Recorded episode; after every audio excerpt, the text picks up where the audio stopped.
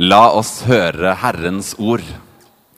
Det står skrevet i 1. Korinterbrev, kapittel 10, vers 10-13. Og la oss ikke være misfornøyde og murre, slik som noen av dem gjorde, de som ble drept av ødeleggeren. Det som hendte med dem, skulle være til advarsel. Det ble skrevet til rettledning for oss, og til oss er de siste tider kommet. Derfor må den som tror han står, passe seg så han ikke faller. Dere har ikke møtt noen overmenneskelig fristelse. Og Gud er trofast. Han vil ikke la dere bli fristet over evne. Nei, når dere blir fristet, vil Han vise en utvei, slik at dere kan holde ut.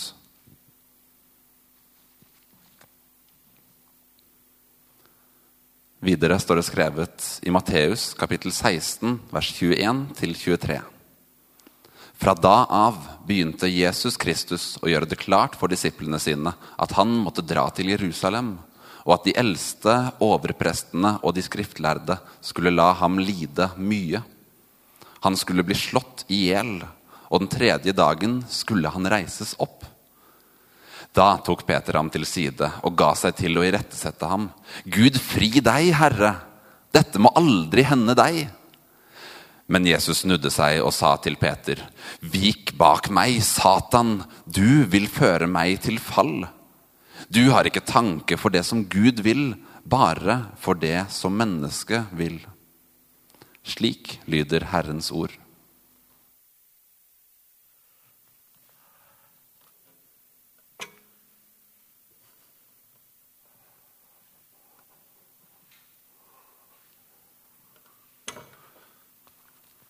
Ser du meg her? Skal jeg stå opp der?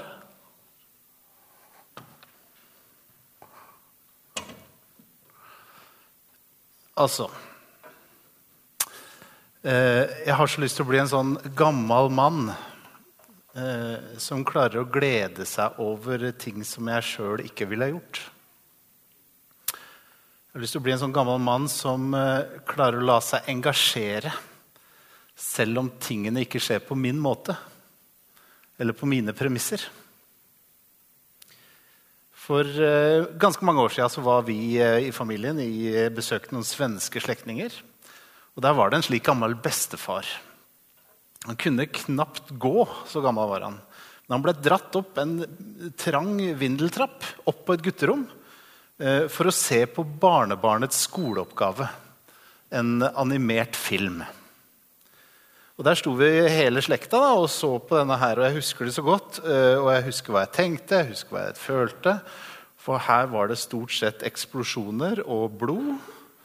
Og et ytterst ytterst tynt manus med altfor mye banning. Og så overlessa med sånne spesialeffekter.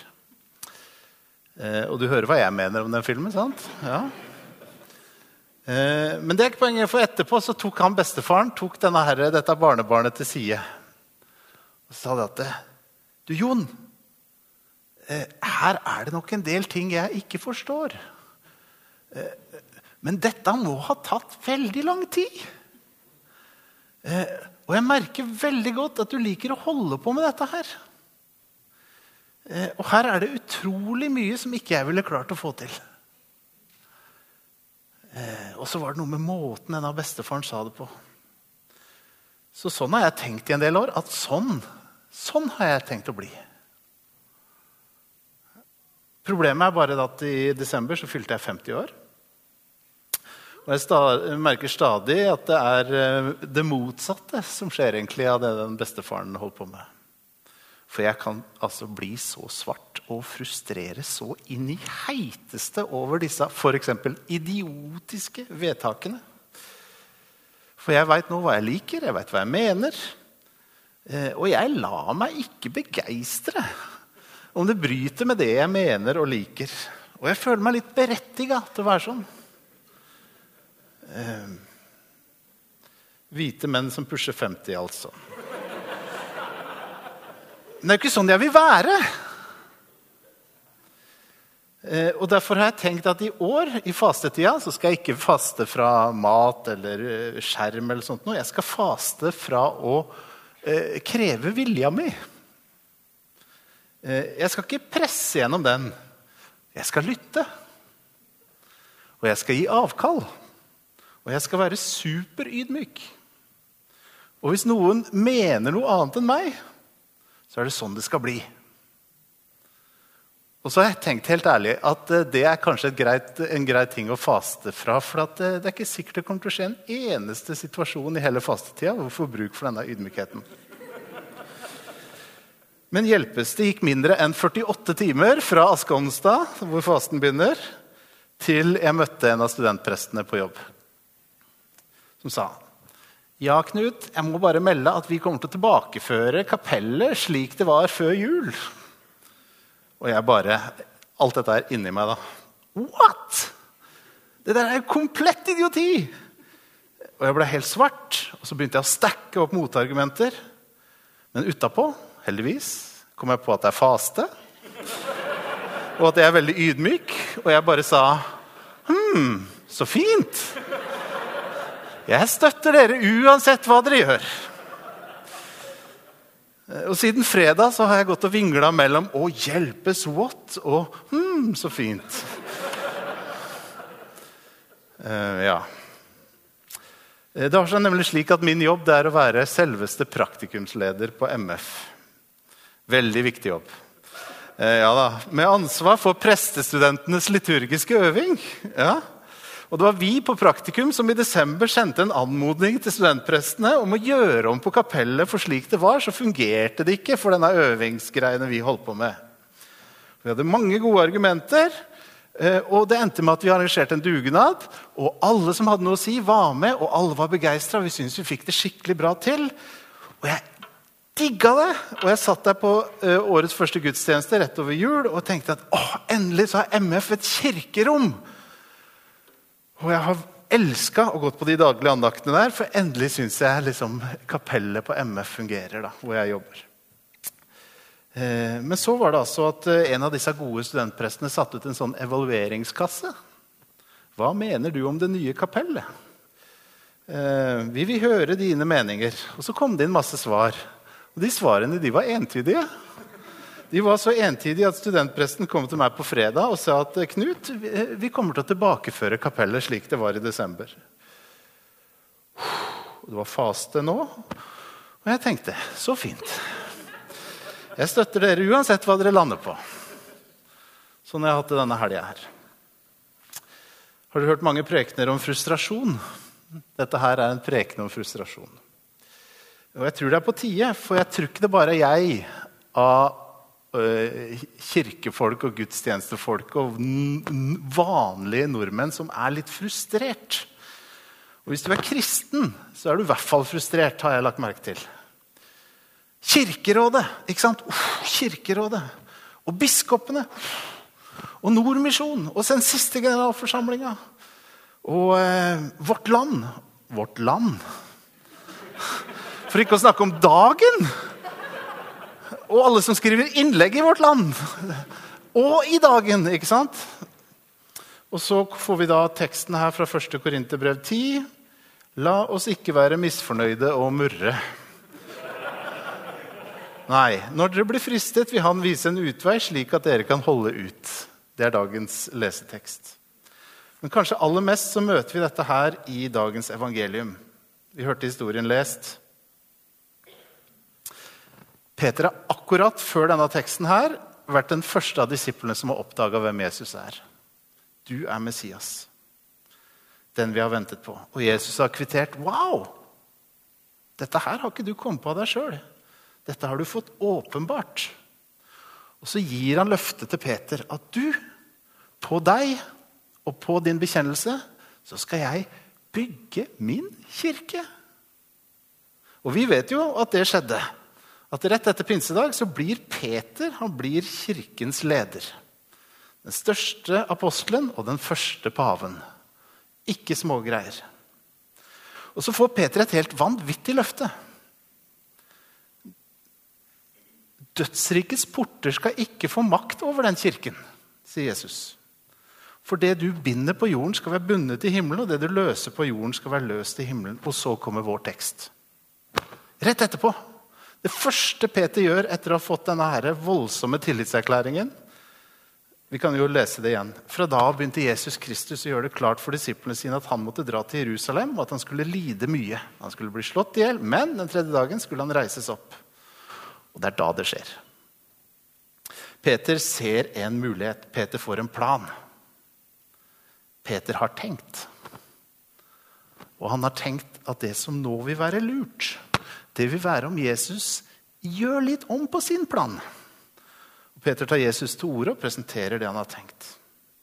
Det er da Jesus snur seg til Peter og sier at nå, Peter, nå er det veldig, veldig, veldig viktig at du ikke får vilja di. For hvis du får vilja di nå, eh, og at vi gjør det du foreslår, så vil ikke evangeliet skje. Og evangeliet må jo skje.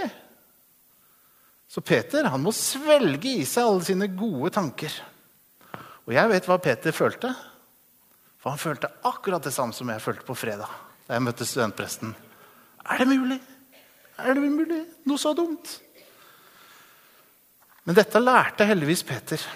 Ikke bare denne gangen, men igjen og igjen og igjen og igjen så lærer Peter akkurat dette her. Husker du da Peter ble kalt? Den aller første dagen Peter møtte Jesus. Jesus kommer ut i båten til Peter, snakker litt til folket der inne. Og så sier, sier Jesus til Peter jeg vil at dere skal dra ut igjen med fiskebåtene. De har vært ute hele natta, og Peter er fisker. Vært ute hele natta, gjort alt riktig, ikke fått napp. Og Jesus sier, 'Jeg vil at dere skal dra ut nå, på nytt.' Eh, kaste garnet en gang til. Og det Peter selvfølgelig tenkte, det var det at eh, Hallo, jeg har hørt rykter om at du er snekker. Jeg har hørt rykter om at jeg er fisker. Jeg har hørt rykter om at vi er nå inne på mitt fagfelt. Og du burde vite at vi ikke fisker på høylys dag, og i hvert fall ikke kaster garn på dypet. Men av en eller annen grunn så gjorde Peter det likevel. Hørte på Jesus, la bort sin egen greie. Og så skjer evangeliet. Er det jeg som gjør noe gærent med mikken? Heller i bukselomma? Andre gang dette her skjer eh, Det er noen dager eller uker seinere. Jesus er på topp av sin popularitetskurve. De er i Kapernaum. Folk stimler på fra alle kanter. Syke som vil ha helse, besatte som vil ha befrielse, nysgjerrige som vil høre forkynnelse. Og Det bare koker, og disiplene har sitt svare strev med å holde folk i orden. Og plutselig er Jesus borte. Jesus har dratt et øde sted for å eh, be litt. Eh, og Så setter disiplene i gang en leteaksjon. Og Så finner de til slutt Jesus. Og så sier Peter, 'Jesus, Jesus, du må komme! Hele verden renner etter deg! Alle vil ha en bit av deg!' Og nå må vi smi mens jernet er varmt. More is more. Jesus, kom! Og så sier Jesus, 'Nei, jeg har litt andre planer enn det.' Jeg foreslår at du eh, at vi i stedet går til småbyene. Skal jeg ta den andre mikken? Er ikke det greit? Jo. Eller er det i huet mitt at det smeller? Nei, det er ikke det. Her står jeg og snakker om frustrasjon, og så smeller det i huet. Ja.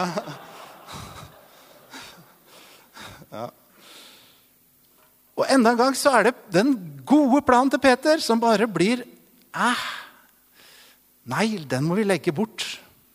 For om evangeliet skal skje, så må det skje på en annen måte, sier Jesus. Om noen få uker så skal vi høre Jesu lidelsesfortelling igjen. Og den kan vi, og på et tidspunkt der så er det Getsemane, og så kommer jo Judas, og så kommer soldatene. Og så tar de Jesus til fange. Husker du hva som skjer da? Peter Plan får en plan. Trekker sverdet. Dette trekker sverdet. Dette må ikke skje. Vi må gå til motangrep, tenker Peter. Eh, men enda en gang så sier Jesus du, legg det sverdet ned i slira. Hvis du får gjennomslag for din plan her nå, for din gode vilje her nå Jeg ser din gode intensjon, men så vil ikke evangeliet skje.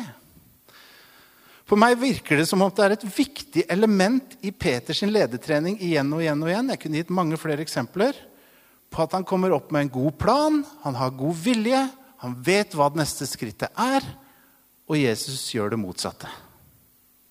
Og Peter lærer at for at evangeliet skal skje, så er det viktig at vi av og til som ledere legger bort viljen vår. Og her gjorde jeg en oppdagelse da jeg forberedte denne preken. For jeg oppdaga at hvis Peter ikke hadde lært dette her, så hadde ikke vi vært her i dag. Eh, vi, og jeg skal forklare det, for det er jo en litt sånn bastant eh, setning å si. Men altså Hvis vi går fram til apostelens gjerninger 15, da er Peter omtrent kommet på min alder.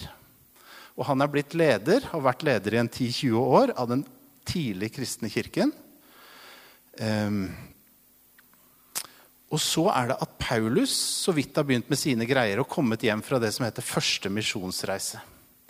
Og Paulus og Barnabas, han, hans medhjelper, har møtt hedninger, dvs. Si ikke-jøder, altså europeere. Og de har tatt imot evangeliet. Og de har tatt imot Den hellige ånd. Og de kommer tilbake og så sier de at disse må da få lov til å være eh, kristne. Og det er en veldig uvant tanke den gangen da kristendommen var en jødisk sak.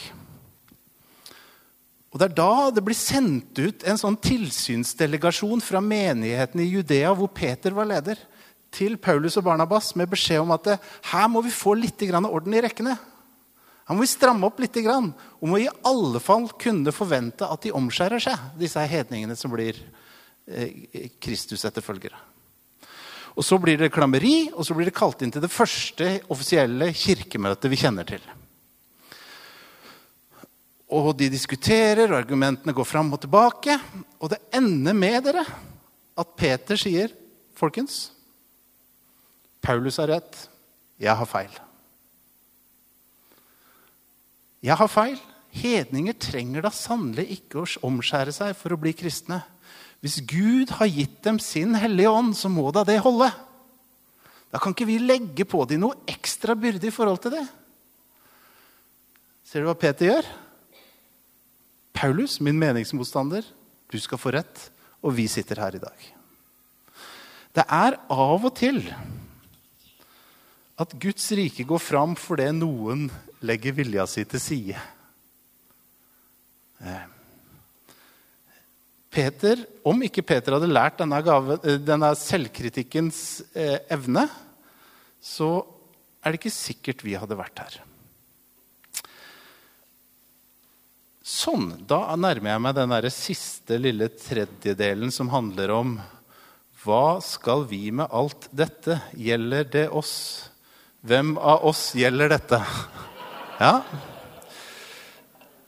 og da har jeg i hvert fall lyst til å si det at det er i alle fall noen det ikke gjelder.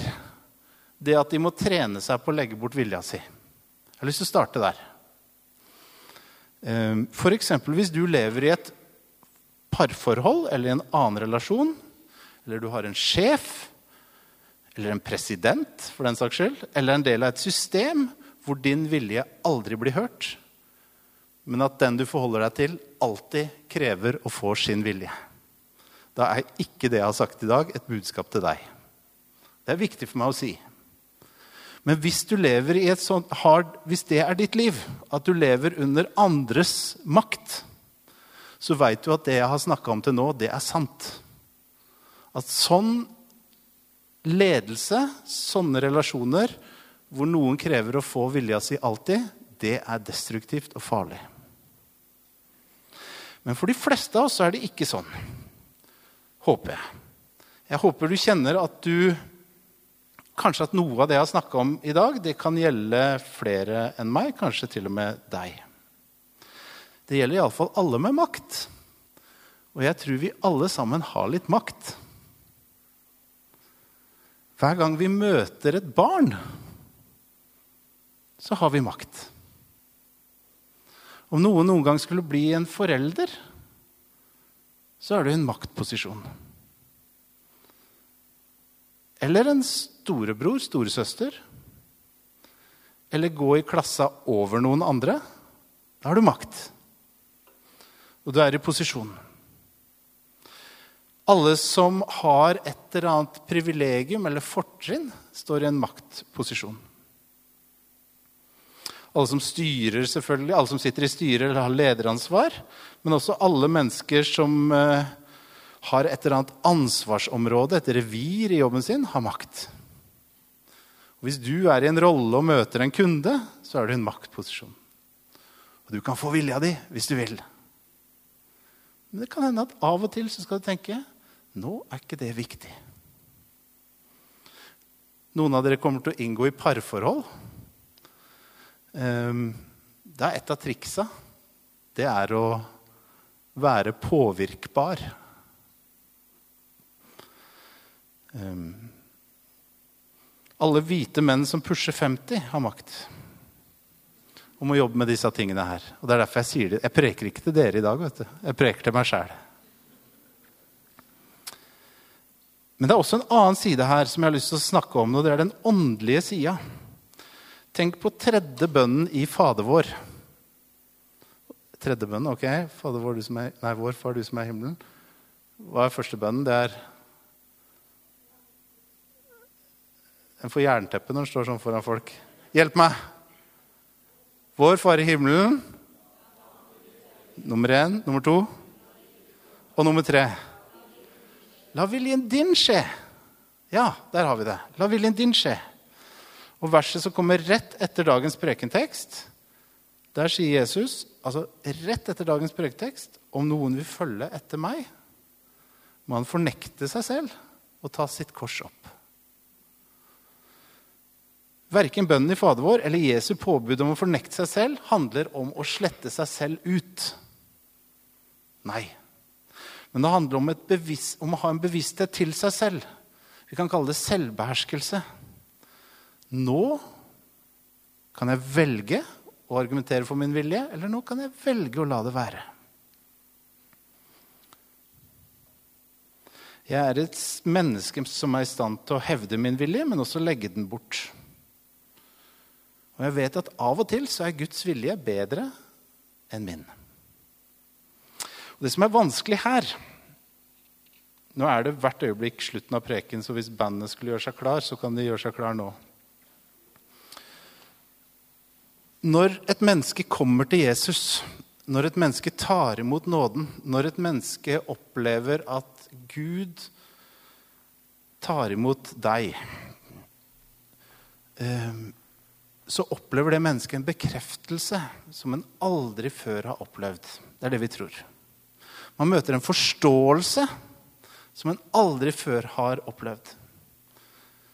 Eh, man møter en som ser hele oss, ser alt vi er, ser alt vi har gjort, som kjenner oss bedre enn oss sjøl, og som sier 'Det er bra, det jeg ser'. Vi føler oss så elska man opplever seg så tatt imot. En slik ubetinga kjærlighet. Og fordi den der kjærligheten er så enorm, så er det så lett å få en logisk kortslutning. Nemlig det at når Gud og jeg er så på lag, så må jo alt jeg tenker er riktig og viktig og fint, være Guds vilje. Men sånn er det altså ikke. Det var i hvert fall ikke sånn for Peter, og det er i hvert fall ikke sånn for meg uten sammenligning for øvrig. Ok, da. Litt, da. Du må finne ut om du er en del av oss som trenger å tenke over disse tingene her. Jeg har ikke lyst til å fortelle deg hva du skal tenke og mene og gjøre med dette her, men her er det noen tanker og en oppfordring. Tenke tanken når er det viktig at jeg hevder min vilje, og når er det viktig at jeg legger den bort? Ære være Faderen og Sønnen og Den hellige ånd, som var, er og blir en sann Gud fra evighet og til evighet. Amen.